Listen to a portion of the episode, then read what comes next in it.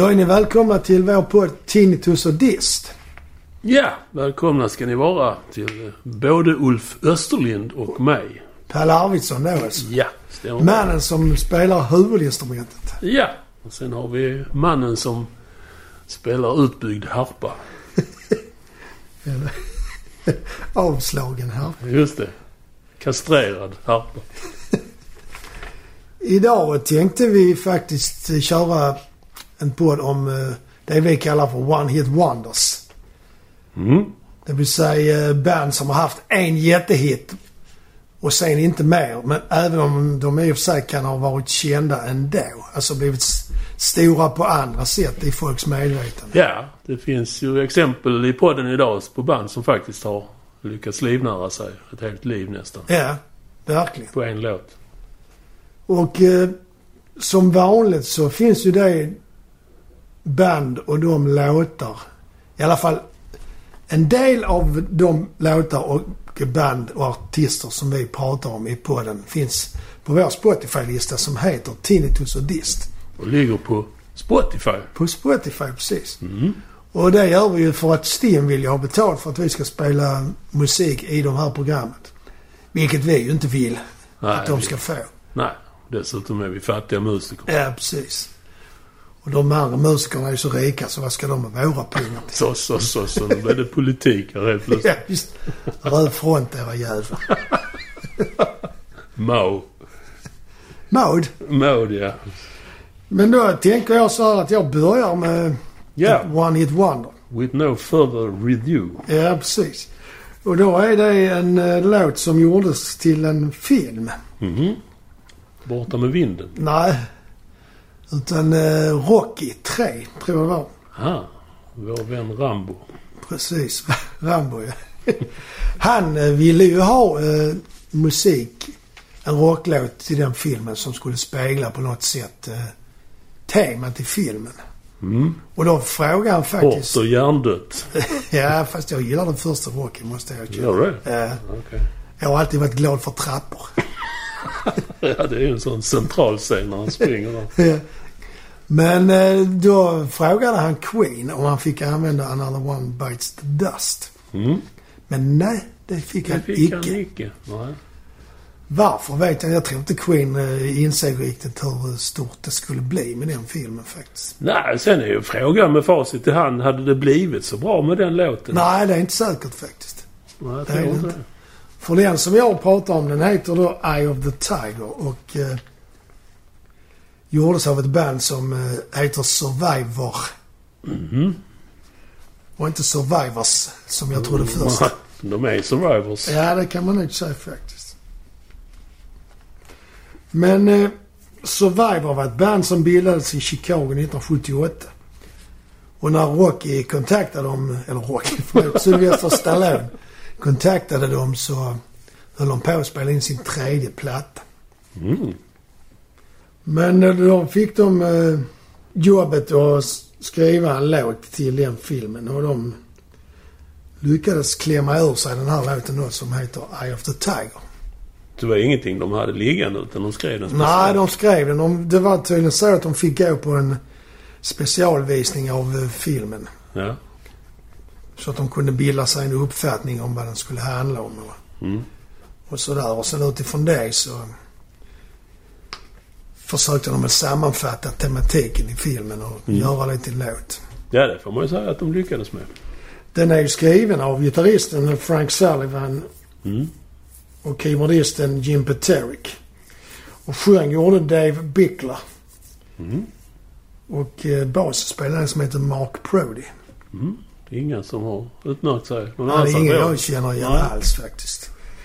Men eh, Dave Bickler som då var originalsångare, han fick ju halsproblem senare i, Mhm. i deras karriär. Och som tack för att alla hade sjungit in deras enda USA-etta så fick han sparken. Jaha, busset. Det är kamrat, kodordet för hela branschen. kamratskap i, Ja, i fyrkant liksom. Otack är liksom världens lag. Jag tycker den liknar, alltså den påminner om, eh, alltså man tänker riffmässigt, Toto.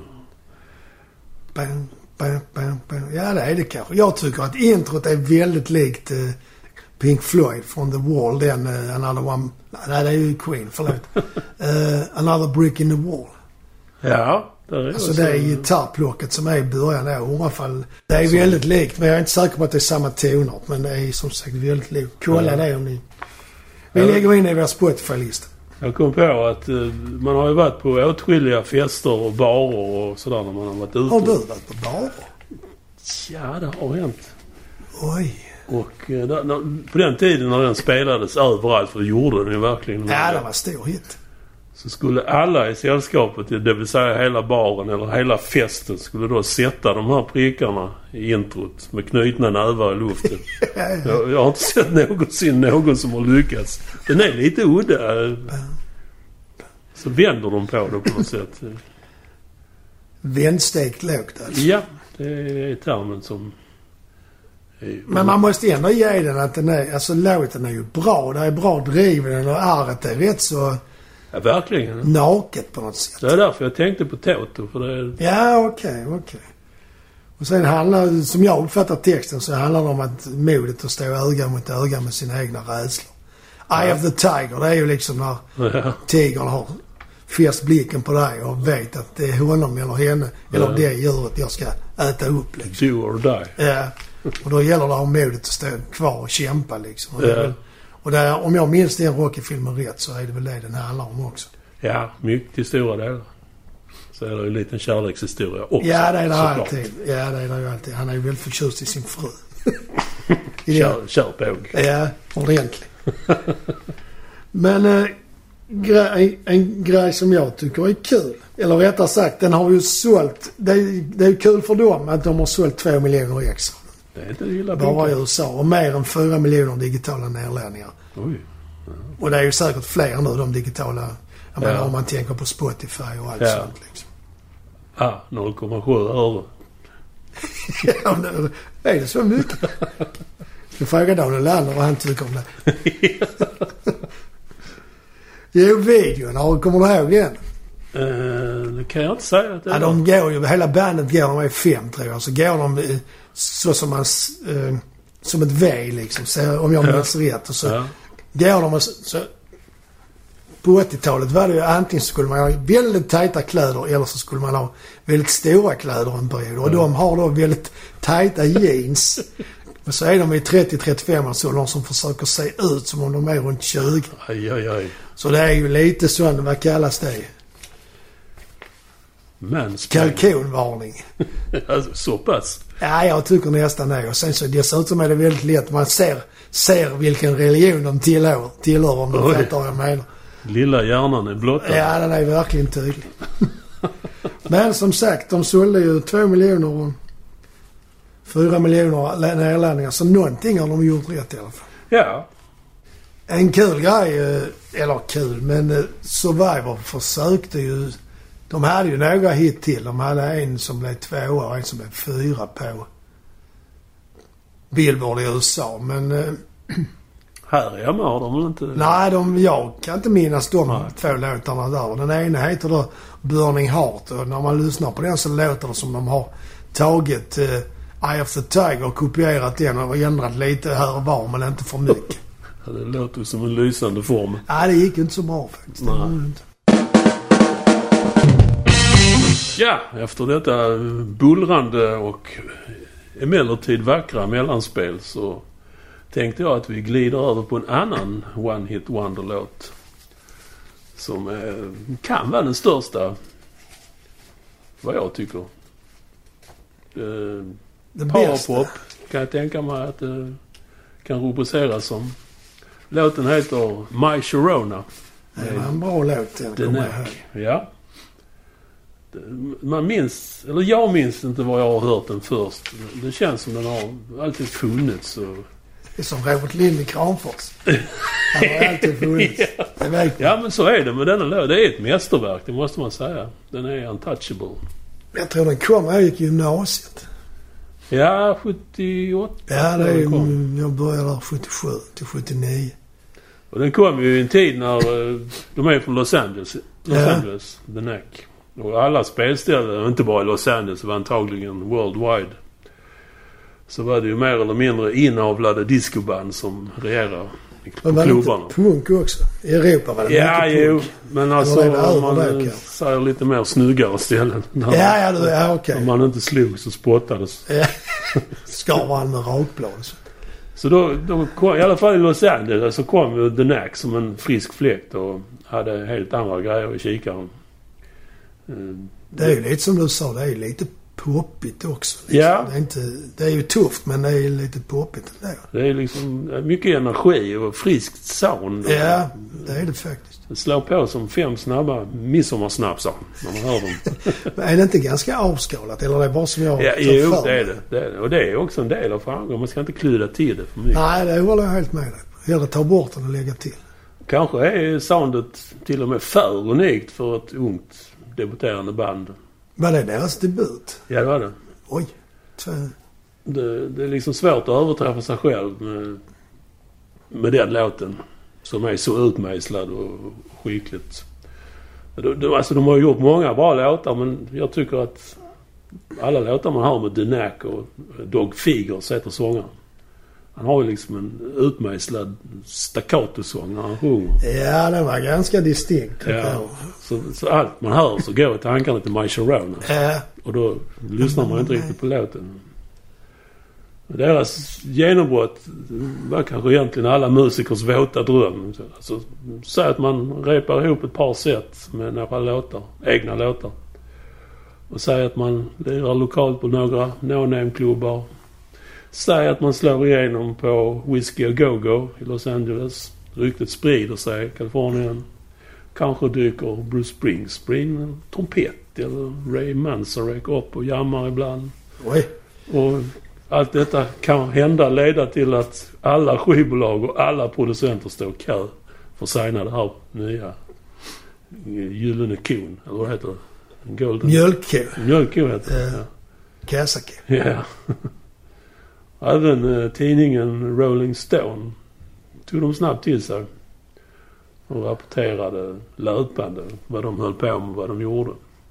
Var det sån hype för det tycker inte jag. Nej, jag tror inte In, det- alltså innan man uh, hörde My Sharona så hade jag ingen aning om att Nej, de fanns ens. Jag tror inte här i, de på funnits i, Ja, alltså ändå liksom ja, ja, oh ja. i staterna. De var på gång. De, de var liksom lovande och unga och snygga också. Ja, okej.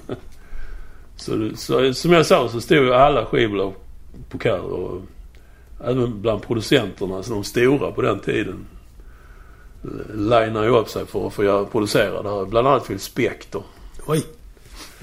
Men till sist så föll valet på eh, Revolvermannen. The crazy guy. till sist så valde de Capitol. Och, för de hostade upp det dittills största förskottet ever. Oj, hur mycket var det? Vet du det? Ja, nej det vet jag inte. Eh, och Mike Chapman, som vi har pratat om innan. Han tjatar sig till. Nicky Chin och Mike Chapman. Ja. Det, och detta är ju då en tid när det anses helt okej. Till exempel Fleetwood Mac och Eagles som kunde spendera åratal och miljoner dollar i studion. Tal om Fleetwood Mac så har jag sett en dokumentär där de berättar när de spelade in den Rumors. Ja. Att det- rörigt kan jag tänka mig. Ja, det var mycket kokokain i studion. Och Ja. sen var det dessutom så att de hade gjort så många omtagningar så man kunde nästan se rakt igenom bandet de spelade in på, slut. Ja, det kan jag tänka mig. Till skillnad från The Knack så är det ju över... Det, Ja, det är- det är ju vackert på sitt sätt. Ja, men de är ju... De tillbringar ju väldigt mycket tid i studion för att få till det så som de ville ha ja, det liksom. ja, absolut. Det var nog inte några live-tagningar som används. Det är svårt att tänka. Nej. Men den här var ju tydligen tvärtom då. Ja, 11 dagar och 17 000 dollar. Och då... Jag tror inte Mick Chapman jobbar ihjäl sig i Nej, det producentstolen. låter inte så faktiskt. Det handlar mer om att sätta mickarna rätt och trycka på av, och exakt. på liksom. De hade, då hade de ju spelat jättemycket. De var ju samspel. Ja, ja, så det var inga problem för dem liksom. Och det är som du säger, live i studion med nästan inga pålägg. Ja, Och det, jag tror inte det var några stormiga bandmöten när de skulle välja singel. Det var ju My Sharona. Ja, det känns ju så faktiskt. Och det gjorde de rätt i för den slog snabbt och hårt. 79 släppte de det. Och då, den svepte ju väck allting från listor och försäljningslistor och allt möjligt. topplistor och försäljningslistor. Den sålde platina på bara några månader.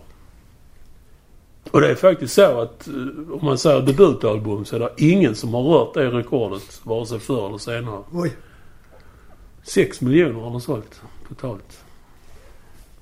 Det var väl egentligen den enda platta de som hade till ha. Ja, Så. det, alltså det börjar ju gnissla så smått mellan medlemmarna redan. De åkte på en världsturné eh, efter skivan släpptes då såklart. Och eh, det, det finns, man märker inte det på scenen. Jag kan eh, verkligen rekommendera en film som jag såg på YouTube. Eh, de gjorde ett, det är faktiskt ett berömt gig på Carnegie Hall i New York City. Under den turnén. Den turnén när det började skaka. Ja, skaka ja. Det, det, var, det var ju innan internet så då handlar man ju fysiska biljetter på stället eller ombud. Ja, just det. Man gick in i en affär och köpte en biljett. Ja. Eh, Men eh, här på Carnegie Hall så samlades folk ja, långt innan. Jag vet inte, kanske till och med de sov över. Jag vet inte. Men hundratals fick lämna utan biljett i alla fall. Ja, Så, så det ja. var ju liksom succé utan like.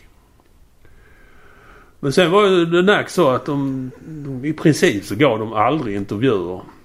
Och pressen reagerade lite på det och började så småningom skriva magsura artiklar. Och, Eller hitta på kanske. ja, antagligen. Så som man gör i kungahuset. Och vissa inte heller rubriker säljer. Ja, visst. Sen om de är sanna, det har ingen... Nej, det är inte så viktigt. Det var till och med så att vissa affärer ifrågasatte om de var seriösa och kallade dem för affärsmän och konstruerade. Och, Bara för att de inte ville prata med journalister. antagligen, ja. Någon slags payback. Ja. Jag kan förstå det till viss del. Det är skickliga musiker. Det är smarta låtar, det måste man ju säga. Och eh, det kanske framförs en aning sterilt. eh, Även live alltså. Ja, ja, okej. Ja, jag har faktiskt ingen riktig koll på hur... Jag har aldrig sett dem live. Nej, inte jag heller. Jag har bara sett på YouTube. Eh, Och det, det är skickligt alltså. Men det är. De flippar inte är- ut om man säger så. De, nej, de menar de släpper aldrig arven som finns. Nej. Utan det är albumtroget eller Ja, originaltroget. ja, Ja, okej. Nej, det är klart. Det är ju lite tråkigt tycker jag faktiskt. ja. Då kommer de inte med i vår serie om liveplattor. Nej, det gör de inte. Dessutom störde sig pressen på att Capitol, det var ju de som hade skött marknadsföring. Då hade de först snackat om Fab Four. Och det är ju liksom... Ja, det är nej, ju, där går man inte. Nej. Nej, precis. Och omslaget är ju egentligen en rip-off på Beatles Meet the Beatles. Var det deras första skiva? Meet the Beatles? Det låter som det skulle kunna vara det faktiskt. Ja, jag vet inte. Men de, de hade i alla fall travesterat den. Nu visar vi hur historielösa vi är. Inte ens vet vad Beatles första platta hette. Men vi är för unga. Men vi vet i alla fall att trummisen hette Pete Best. Just det. För tid och evighet. Eh, Och det, ja, det rullade väl på. Det fanns ett sug efter en ny skiva såklart. Så man släppte ytterligare en But the Little Girls Understand hette den. 1980. ja, okej. Den rivstartade men det fanns ju ingen My Sharona på den skivan. Så den sålde bara 2,6 miljoner. Ja, och vilket misslyckande. ja, fiasko. Det började ju sliras emellan dem. Och det här året, för det handlar om ett år. de var i hetluften. Hektiskt och galet år. Två skivor och världsturné. Så de, verk, de behövde verkligen gå ner i varv. Och så med kluddet med media då. Va? Så man tog ett break. Ett år. Och det är kanske lite för länge. Med tanke på att det var my- mycket punk och metal började väl också virvla i... ja, the new eh, wave of English heavy metal kom ju där 80, Ja. 81, 82. Och poppan fanns det ju fortfarande gott Ja, ja, visst. Så, eh, ja man gjorde ytterligare en skiva då. 81. Eh, Round Trip heter den. Och man gav sig ut på vägarna för att promota den skivan. Men eh, nej, nu hade det intresset svalnat och till och med började de ge intervjuer. Oj, För att få igång. Ja. Men eh, det ville sig inte. Ett par veckors turnerande på den turnén. Halvfulla arenor. Antagligen en massa bråk. Ja, om det var klud innan så kanske det blir ännu mer klud nu. Så den slutade sagan där. De ställde in resten av turnén och la ner bandet på stående fot. De har aldrig mötts efter det. Eller? Nej. Ja, Nej, jag vet. Jag läste något om han eh, sångaren när han jobbar sen som uh, mäklare. Så jag förmodar att de har lagt allt på hyllan. Ja. det är ändå lite märkligt det där när man är ett sånt band som breakar jättestort med en hitsingel. Kraven blir ju lite annorlunda än på ett band som Ja. har jobbat sig uppåt så att säga. Det var lite det jag var inne på i början. Eh, just så utsmejslade som de var. Ja. Det, det är svårt att överträffa. Det är Ja. det nog för vem som helst. Ja, det är det. Men man har ändå kanske någonting att falla tillbaks på om man har gjort tre album innan man Ja. får Ja. en hit med första singeln. Liksom. Ja. Det är för mycket för fort. Nej, det kan vara så. Jag vet inte om det stämmer. Men eh, en tes jag tar till när jag ska fylla programtid. Men nu fyller vi inte mer med nack för nu lämnar vi det. Ja. Då ska jag, tänkte jag att jag skulle prata om en eh, låt som faktiskt finns i två versioner. Och eh, den Båda hittar kanske. ja, den ena blev hit i Europa, den andra blev hit i världen. Mm. Och den första versionen är då med Slade, som också har skrivit den. Noddy Holder, sångaren i Slade och basisten Jim Lee skrev den som heter Come On Feel The Noise. Mm. Och de var ju glamrockare från det glada 70-talet. Minst sagt. Eh, och den låten tog sen upp av Quiet Riot. Som man ju skulle kunna säga är under glamrockens ännu gladare dagar på 1980-talet när glamrocken blev liksom, Sleaze. Ja, och pudelhår. Ja. Och hela det paketet, glittriga kläder. Man kan väl nästan sticka ut hakan och säga att Quiet Riot startade Ja, Sleaze-eran. det gjorde de kanske. Det kan jag inte. Det har jag faktiskt ingen åsikt om. Där vet, vet jag att Randy Rhoads Ja. var med och startade bandet. Ja. Den är... 1973 redan. Oj. Det är ju jättetidigt. Men Randy Rhoads var född 1956 så han var ju inte helt... Han var 14 år när han startade Quiet Riot. Då var han ju... Jag höll säga han var inte helt ung men det var han ju. Ja, det får man väl säga.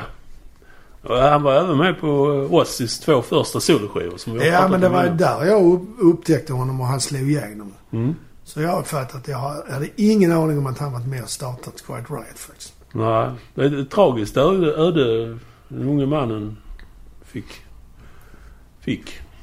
Ja, Randy menar du? Ja. Han dog ung. Och det var ganska spektakulär död också. Det var när han var med hos Osbourne.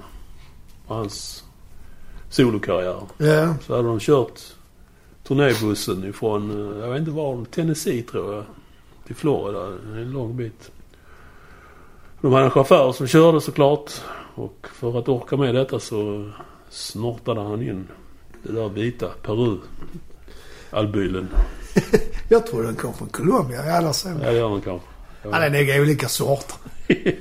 Det är som Bamyl och... Och då. Ja.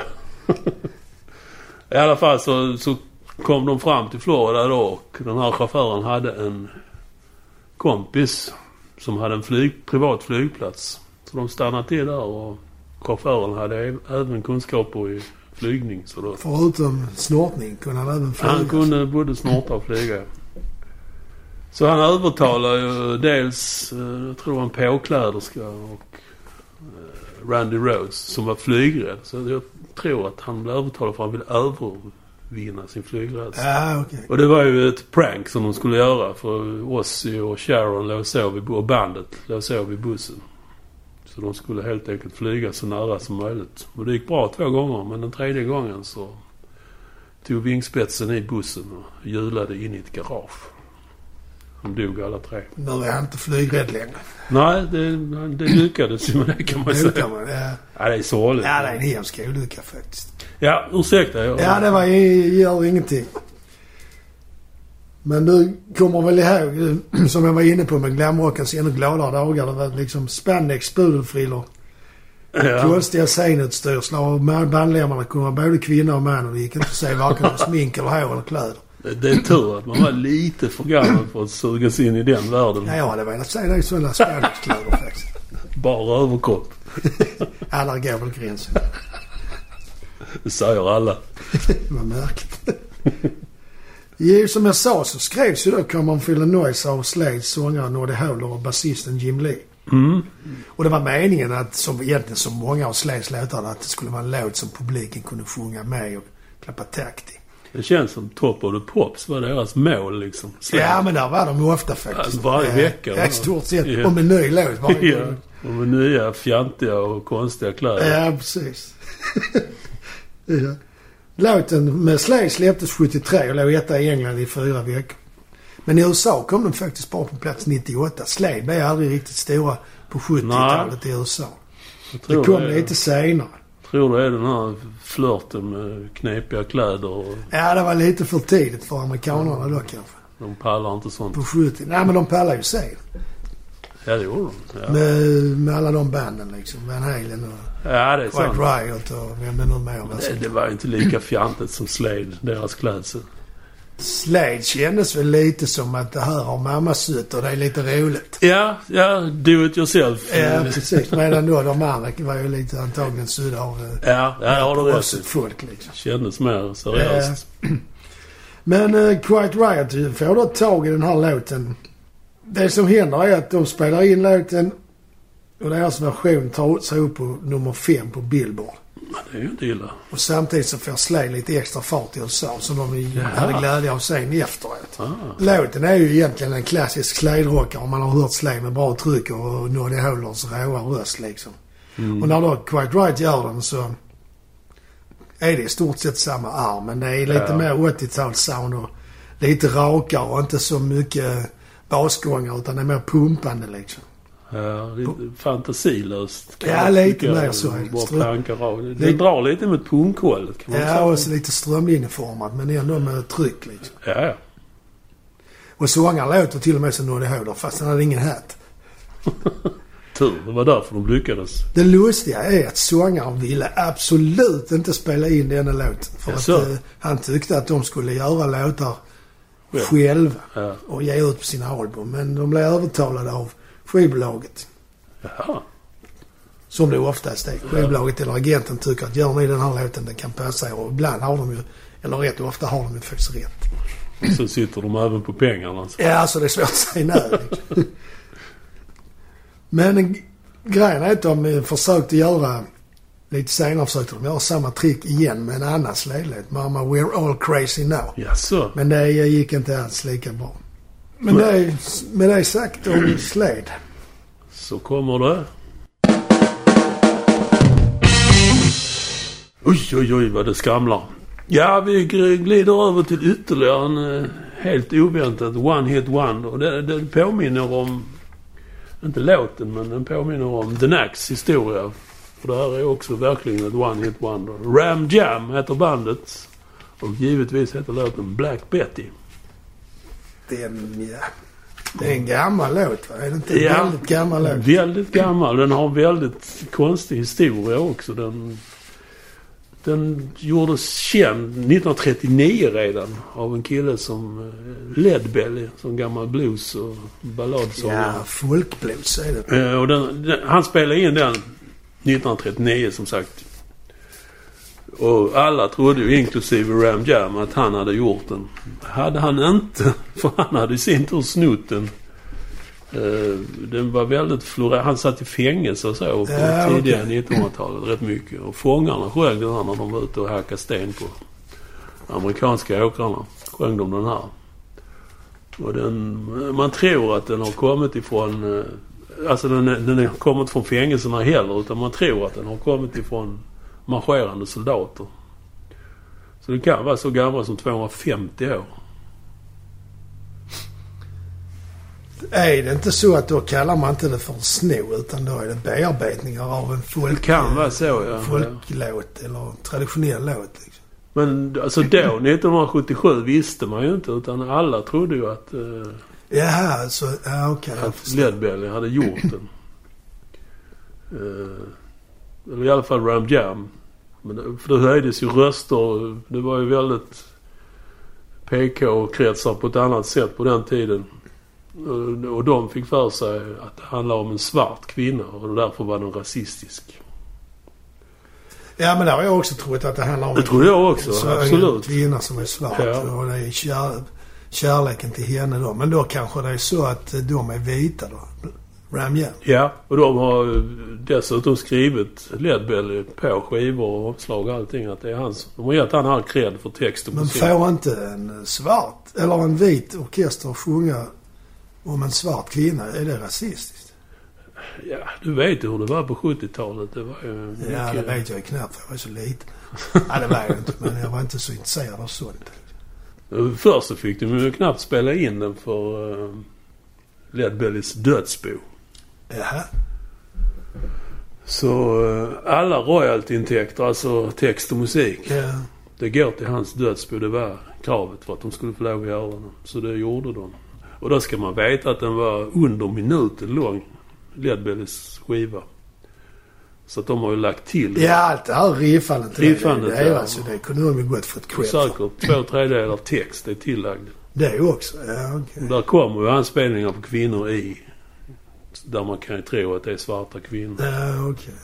Och jag trodde ju länge att det var liksom ett sydstatsband som Ja, det där också trott. rednecks och sådär. Men nej, det var det ju inte. De var från New York. Aha, okej. Så det, det var ju också någonting som fick ändras i mitt medvetande. Trummisen är jävligt bra tycker jag. Ja, det är han. Bandet. Alltså, han spelar med lite jazzig fil liksom. Ja, det är ju samma skola som de vi har snackat om. Bonham och Pace och de där. Eh, Dubbla bastrummor såklart. ja, ja. Goes without saying. ja. Nej, det gör det faktiskt inte. Men, Det var han, gitarristen, Bill Bartlett hette han. Jag tror det är han med glasögonen i videon. Om du har sett den? ja, det har jag, men jag kommer inte ihåg just det. Som eh, skrev de här två verserna. Som han, han fick alltså inte betalt för någonting av det. Och dessutom sångaren Mike Scavoni heter han. Han eh, säger att han har inte fått en enda spänn för någonting. För bandet får ju ändå en viss... Av, Ja, man brukar ju få royalties för försäljning av själva singeln. ja. Men den största delen är väl text och musik. Inkomster den vägen så att säga. Ja, det är väl, de tjänar väl mer de som skriver låtarna. Så det är ju bara att titta på Per Gessle och Jagger Richards. Ja, ja. Och så har man ju läst om oändliga bandbråk. Vem, Vem skrev vad? Ja. Bill Wyman hävdar ju fortfarande, i alla fall i sin bok, att eh, han kom på riffet till Jumping Jack Flash. På piano dessutom. ja, och det har han minsann inte fått något för. Nej, det kan ju mycket väl vara så. Ja. Ett sidospår, men dock. Ja, ja som sagt Bill Bartlett, gitarristen, han... Eh, han spelade i ett annat band som heter Starstruck. Som han tog upp den här låten i. Så det är Ram Jam har inte ens gjort den från början. Och det här bandet, de fick en lokal hit eh, kring New York då. Alltså väldigt lokal.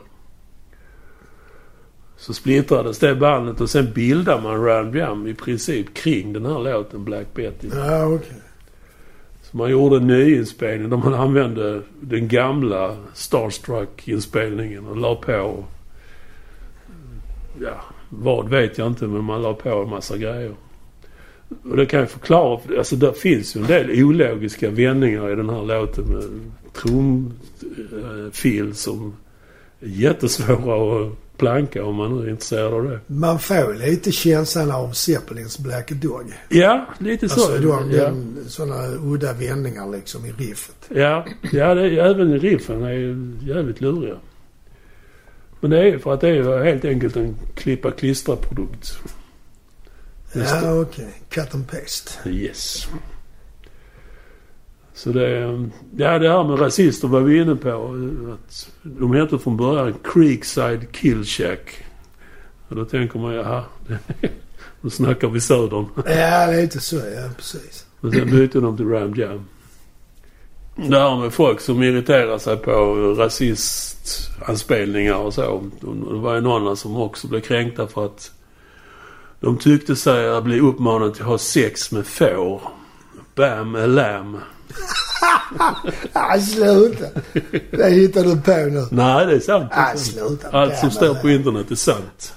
Det är konstigt att inte Genesis åkte dit där. För då har de, vill de ju prostituera. Lamblöst då. Ja visst, prostituera fåren.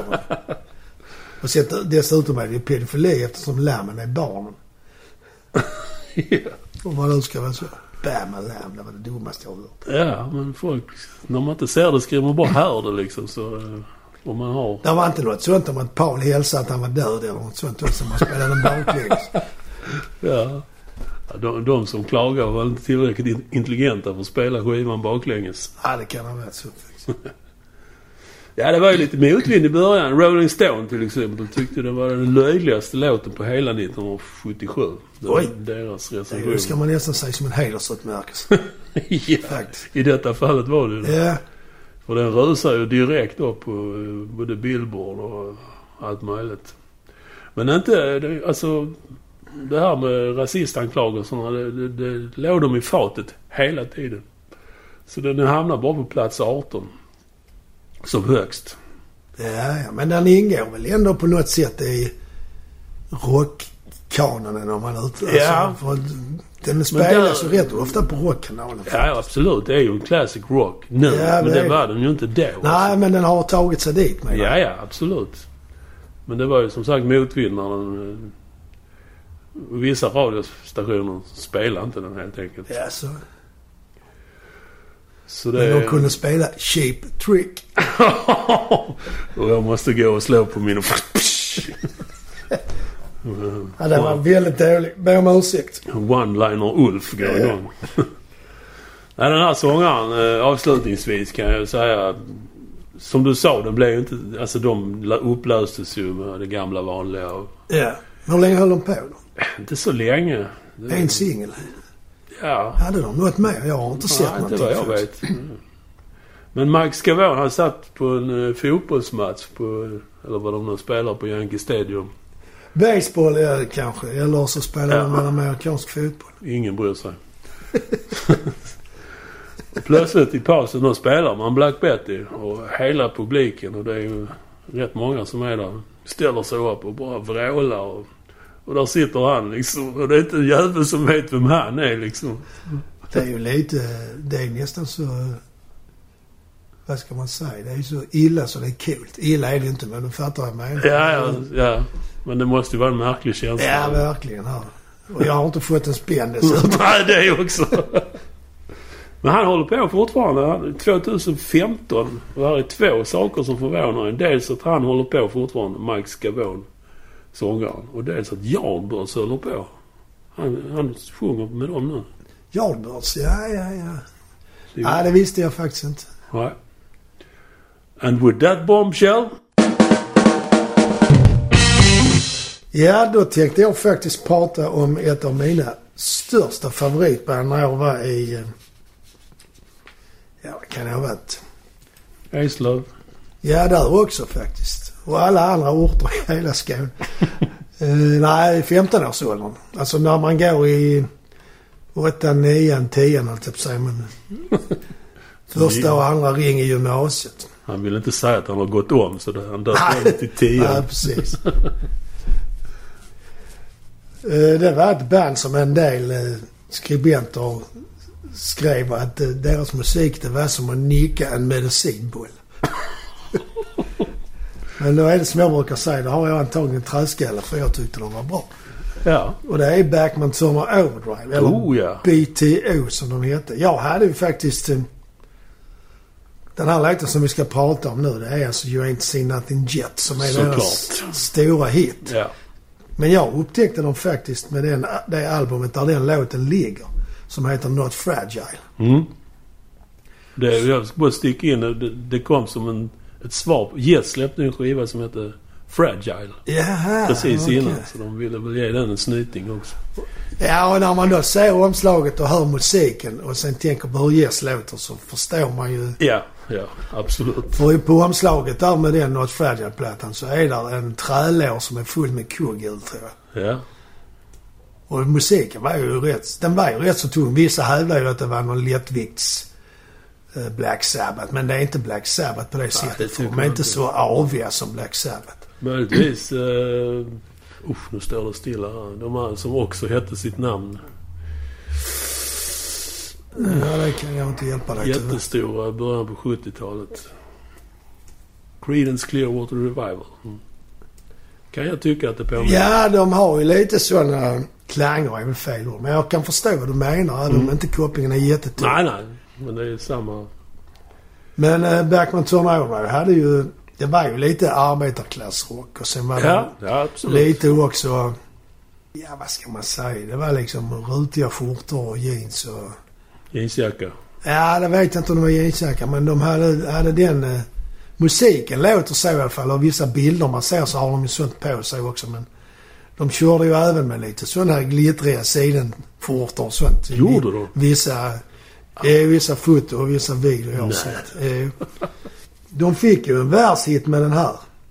Mm, helt klart. Och då var det ändå så att de inte ville ha med den på, sin, eh, på den här plattan som jag köpte, Not Fragile.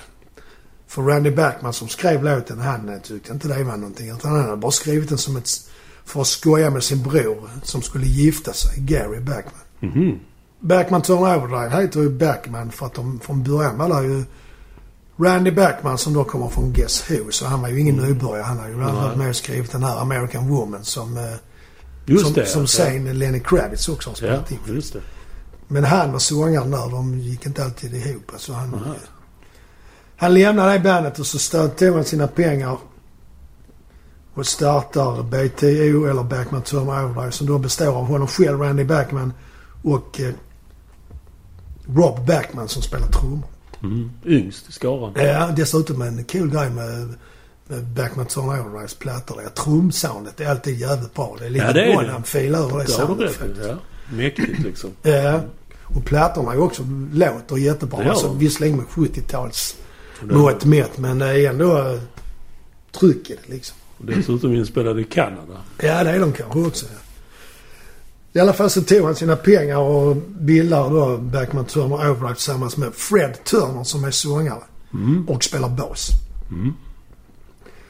Som har eh, en enorm hes och stark röst. Kan man gissa att han har inspirerats av sitt instrument.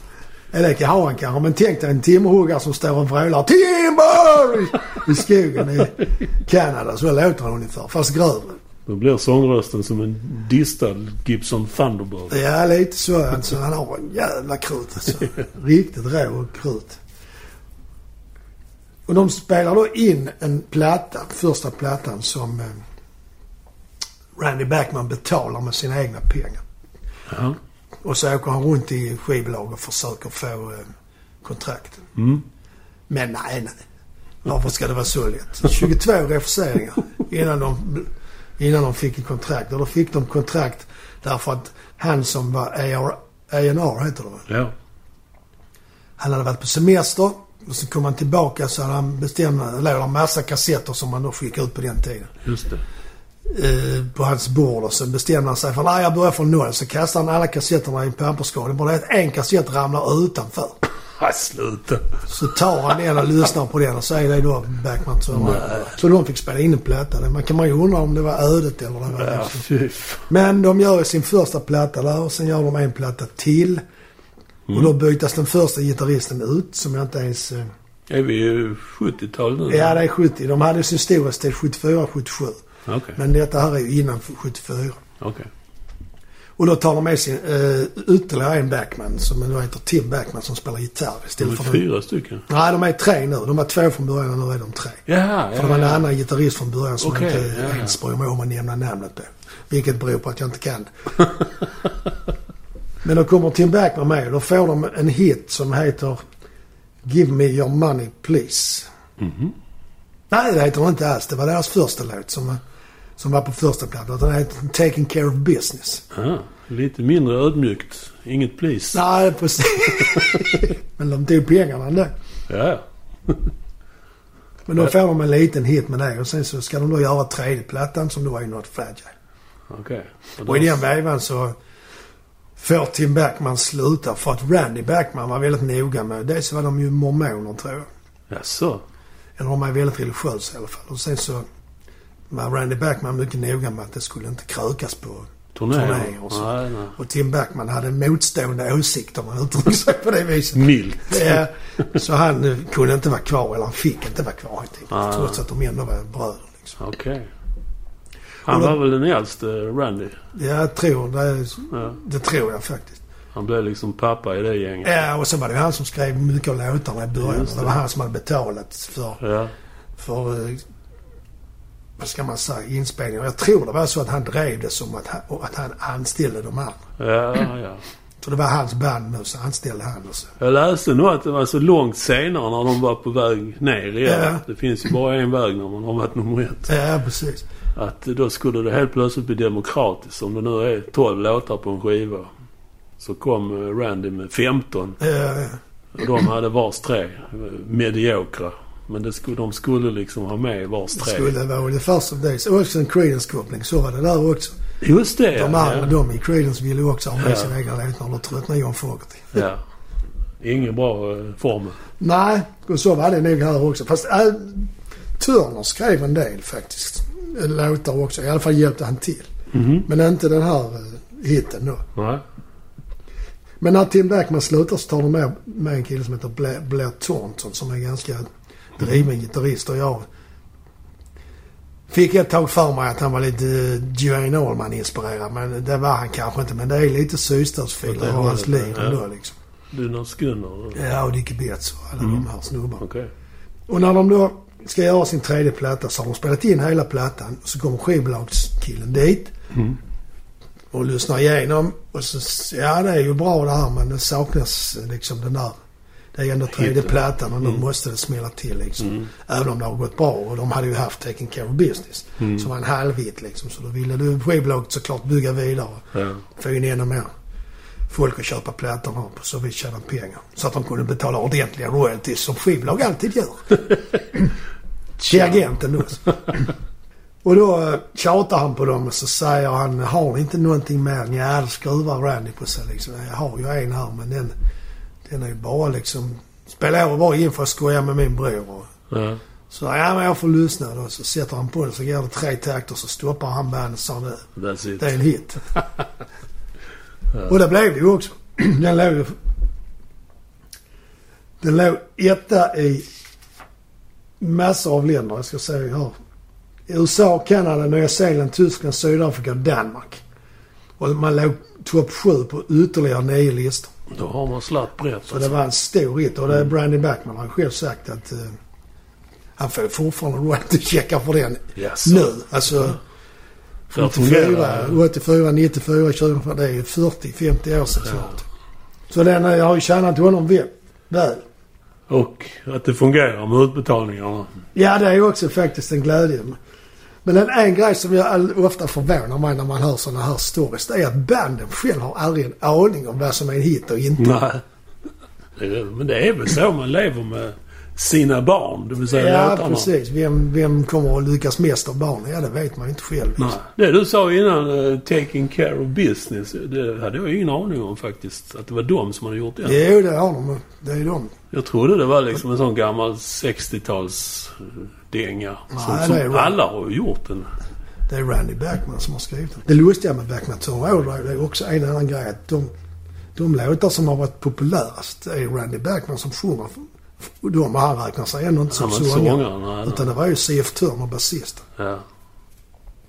Men han har ett melodisinne som gör att... Uh, Han kanske sprängde för många mikrofoner under inspelningen. det blev för dyrt. Det var som Pete Townshend. Släppte sönder för många gitarrer så bandet gick i konkurs. Ja, med det så avslutar vi med... Då glider vi över till den sista One Hit Wonder som vi tycker.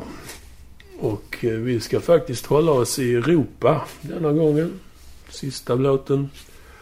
Och den heter då Radar Love. Oh, den gamle, Ja, det är eposet. goe, gamle, goe, gamle, gamle. Med, kommer du ihåg vad bandet hette?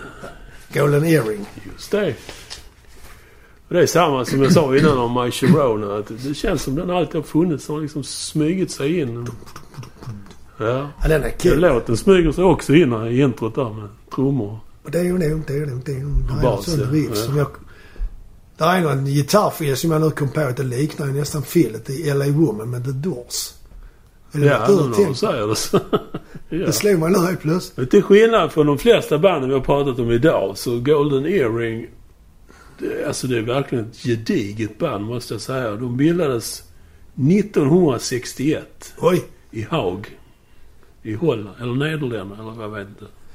På den tiden sa man i Holland, men numera säger man Nederländerna för att vara politiskt korrekt. Ja, ja. Då säger vi Holland. Ja, det är rätt. Och de hette då Tornados. Två fjuniga tonåringar. Gitarristen George Koymans och basisten Rinus Gerritsen. Och de höll på då med sitt sötsliskiga poppande på 60-talet som alla andra. Och det gick rätt bra för dem. Egentligen är det ju inget one hit wonder band för de hade ju alltså, inte lokala men nationella hittar i Holland. Ja, men när vi menar One Hit Wonder så trodde jag att vi menar worldwide liksom. Ja. Ja, och det är ju verkligen Radar Love. Ja, den, är ju, den blev ju jättestor faktiskt. De var ju nosa i USA slutet av 60-talet men... eh, Ja, det gick väl rätt bra men... eh, Det var ju inte förrän Radar Love kom som dammluckorna öppnades. 73 spelade de in den. Den ligger på en LP som heter Moon Tan. Sålt blygsamma 2,5 miljoner ex. Det är inte så mycket om man jämför med de andra. Men ju Nej, det är ju inte som Bergman med 8 miljoner Nej. och de andra du sa också. Och det... De tänkte ju helt rätt. Den ligger ju verkligen i den tidens formel där man väver ihop olika teman. Till exempel Stairway to Heaven, Highway Star, Bohemian Rhapsody till exempel. Ja, just det. Ja. Och... eh, Ja, det finns faktiskt ett trumsolo i låten också. Gör det? Både börjar med trummor och har... Ja, inte solo kan man väl Nej, säga. det är ett fil som är lite långt. Ja. Kan man säga. Ja. kan man säga. Ett långt fil. Ett lick. Jaha.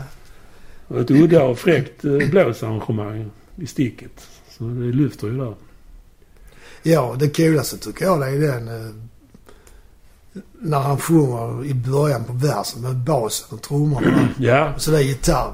djävulens driv i det spelet. Ja, det är det faktiskt. Ja. Det är skitfräckt. Ja. Det, det, det, det, hela låten har. Den är fantasifull och frisk. Satans driv. Och skickliga är de ju, måste man ju... Alltså musiker. Eh, Vad som inte är så värst det är väl texten kan man säga. Den handlar väl i princip om att eh, en chaufför som via radarvågor får budskapet att hans flickvän behöver honom. Subtilt. Done that. Det motsvarar liksom inte den episka Musik. Nej. Jag har alltid trott, det finns ju en rad som jag tycker är väldigt catchy. Brenda Lees Coming On Strong. Och då tänkte jag mig en stor fet långtradare som han har döpt till Brenda, Lee. Ja, att det, är, det är hans långtradare som heter Brenda Lee. Ja, och den den- trycker på liksom. Majestätiskt genom natten Ja, där liksom. Men det visar sig att det finns någon som heter Brenda Lee som hade en hit. Ja, det visste faktiskt jag. Du visste det? Ja, ja. Så de spelade den i radion. Och Ja. Så enkelt var det. Ibland är det inte, inte bra att kolla upp text. det är mycket som rasar i ens inre. Den här låten tillsammans med Born to be Wild och Highway Star det är ju hoj och bilåkares topp tre. Alla tider. Sen 70-talet. Ja, och jag tycker dessutom nu när jag tänker ännu mer på att den påminner lite om Roadhouse Blues också. The Doors. Ja. Ja, absolut. Alltså just det här med man får känslan av att de sitter i en lastbil och på väg någonstans liksom. Ja. Ja, absolut. Got your eyes on the road får man ju han i Roadhouse Blues. Man ju... Jim Morrison. Eh, Jo då. så att... Så att... ja, det var det som jag var inne på innan. Alltså det är verkligen ett gediget band. Det är ju de två, gitarristen och basisten, de är kvar sedan 1961. Ja, ja. Har de inget annat att göra? Nej, fantasilösa. Ja, de bytte ju trummisar och... Eh, gitarrist, den andra gitarristen. Det byttes ju friskt under 60-talet. Men eh, 1970, då började trummisen Cesar Sujdevik, heter han. Hell Caesar. Och det är den senaste medlemsbytet 1970. De spelar alltså idag fortfarande. 150 till 200 gig. Oj. Otroligt. Och även sångaren eh, Barry Hay. Han har inte varit med särskilt länge heller. 1967 började han. Så de har alltså hållit på sedan 70 med samma sättning. Ja, det är- Tror inte det är mycket bråk i logerna. Nej, de har väl varsin husvagn som står med ryggarna mot varandra. Som Pink Floyd som hade, påstås ha haft det under en turné. Varsin husvagn och så stod de så att Ja. man möttes inte på insidan utan dörrarna på husvagnen gick utåt så de kunde... Oh my Det god. fanns inte så stor risk att de skulle stöta på varandra. Fy fan vad bittert. Där de plockar in musiker som komplement då, Ja. kan man säga. Återigen YouTube. Där finns ett roligt klipp från Amsterdam 1992. Så Golden Earring lirar på scenen då, Radar Love. Men det är ju inte den vanliga publiken. Och han, Cesar, trummisen, han lirar inte själv utan där är ingen publik utan där är tusen trummisar med sina trumset. finns lite sådana. Finns med Ja, det finns ju andra som har gjort det också. Men han står och dirigerar Cesar från scenen då. Alla de här märkliga fill-insen på trummorna.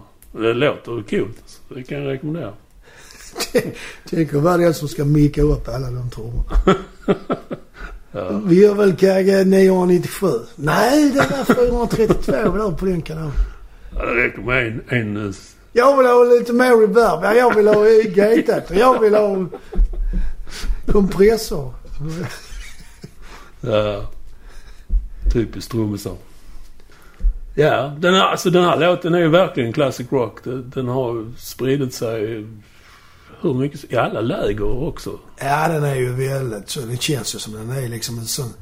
På samma sätt som Ram Jam av Black Betty. En Ja. stapelvara liksom. Ja, ja. Men någon som gillar sån musik. Ja, och även sådana som inte är inne på rock'n'roll liksom har köpt den. Ja, de känner i alla fall igen. Ja. Jag kan säga att eh, det finns en inspelning från 78, en cover av James Lust och hans storband. Det är lite kinget. Jag har för mig att Pat Boone också har gjort något sånt. eh, Om man, Ja, det om man har spelar han. hårdrock i, eh, Jazzarrangemang. i storbandsjazz. Ja, ja. Bland annat Stairway to Heaven tror jag är, men det är inte säker. Jag hittade den också på YouTube, James Last. Jag var tvungen att spela den. den Foxtrot. Var det bättre än struttiga. Frank Walder? Jag vet inte ens vem det är, men det var det Min farsa och morsa samlade på Frank Walder på skivor och James Last. och James Last, för de som inte är födda för så länge sedan som vi är. För övrigt eh, skittråkigt att lyssna på. De gjorde alltså covers. Ja, i storbands. I var inte storband. Skickligt spel och så, Ja. men det, alltså, det var ju så jävla tråkigt.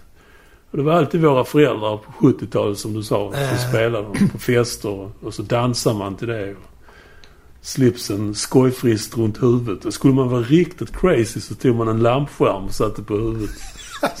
Den nivån är Jens Last. Nu får jag ett minne här från en fest när min farsa han... Ja, du hör. Du De hör. hade väl druckit såklart, för det gjorde man ju på fester även då. Av någon anledning så ramlar han när han dansar. Ligger där på marken och så när han stiger eller reser sig upp så säger han att Ja, jag gjorde det klassiska misstaget att jag hade bägge benen i luften samtidigt. Årets bästa Ja, bortförklaring det var- det året. Det är faktiskt något av det roligaste min far har sett. Som jag minns det. Han var i och för sig ganska rolig, men det är ju enormt Ja, roligt. det tycker är jag. klockren. ja, det var det. Det- Den används ju mycket till bilmärken genom alla år har använt den. Ja, men det kan man tänka sig. För han har det drivet liksom. Ja. Som en The Open Road och så. Ja, tv-spel, Guitar Hero, Singstar, Wayne's World, filmen. Finns Är det med där också? I och för sig tvåan som inte var lika kul. Men... Nej, ettan var ju mycket roligare. Det var det. Ja. Tvåan är ju Aerosmith i också faktiskt. Just det, det är de. Ja. Och den har ju såklart tolkats av miljarders artister. R.E.M., Bryan Adams, Def Leppard, U2, White Lion, King Diamond med mera. Ja, men den har slått igenom ordentligt. Ja, den har slagit brett verkligen. Och som sagt, kan James Last spela in den då vet man att den har nått en bred publik. Och med det rungande avskedet så säger vi väl tack för idag. Ja, fast jag ska bara påminna om den här Spotify-listan. Det är managementet här som är 10 000 sälj- dist. Ja, pengarna ska in. ja, men vi har som sagt en Spotify-lista som är Ja. 10 000 dist där ni kan lyssna på exempel från, eh, av, exempel på låtar som nämns i det här programmet. Just det. Det finns även en hemsida där allting finns samlat. Ja. Varje avsnitt har sin egen sida. Ja, med länkar på YouTube-klipp och Spotify också va? Länkar till Spotify-listan ja. Mm. Och den hittar man på Eh, Det är bara du som vet det. Ja, ja. Webbmaster Ulf. www.weebly W-E-E-B-L-Y Punkt. Tinnitus och dist. Punkt .com. Just det. Kort och snärtigt. Det upprepar inte detta. Fan har glömt. Ja, men då slutar vi väl. Tack för idag gott folk. Ja, Vi tack så hörs. mycket. Hej. Hej.